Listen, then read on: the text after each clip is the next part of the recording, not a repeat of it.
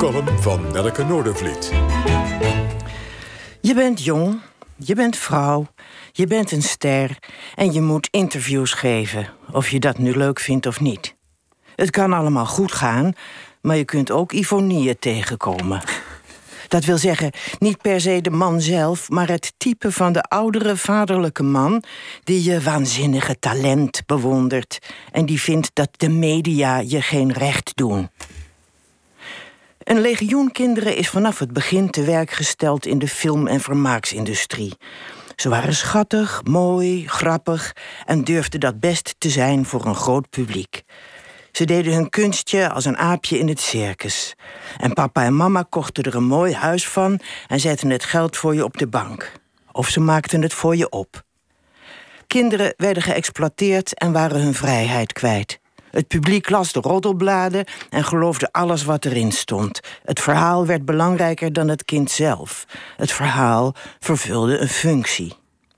Wie Shirley Temple The Good Ship Lollipop zag zingen en dansen, wilde ook zo'n dochtertje hebben. Kijk even op YouTube. Ze doet dat in een vliegtuig vol mannen die haar optillen en aanraken en aan elkaar doorgeven. Daar zou geen regisseur nu meer mee wegkomen. Wie als meisje in die bioscoop Judy Garland in The Wizard of Oz zag zingen en acteren, die wilde ook heel graag Judy Garland zijn en door iedereen worden bewonderd. Want kinderen willen bewonderd worden. Kinderen maken nog geen onderscheid tussen liefde en bewondering. En al helemaal niet tussen bewondering en exploitatie. Ik wilde heel graag Romy Schneider zijn. Zo mooi en zo beroemd. Al moest ik die enge Karl-Heinz Beum, die keizer Frans Jozef speelde, op de koop toenemen. Toen ze iets kreeg met Alain Delon, wilde ik natuurlijk helemaal Romy Schneider zijn. Met Shirley Temple is het nog goed afgelopen. Met Judy Garland en Romy Schneider niet. Connie Froboes, ook zo'n meisjesidool uit mijn jeugd. Beroemd geworden met twee kleine Italiener toen gastarbeiders nog nieuw waren. Die is overigens heel goed terechtgekomen als gerespecteerd actrice. En ze is ook al meer dan 50 jaar getrouwd met dezelfde man. Het kan dus wel.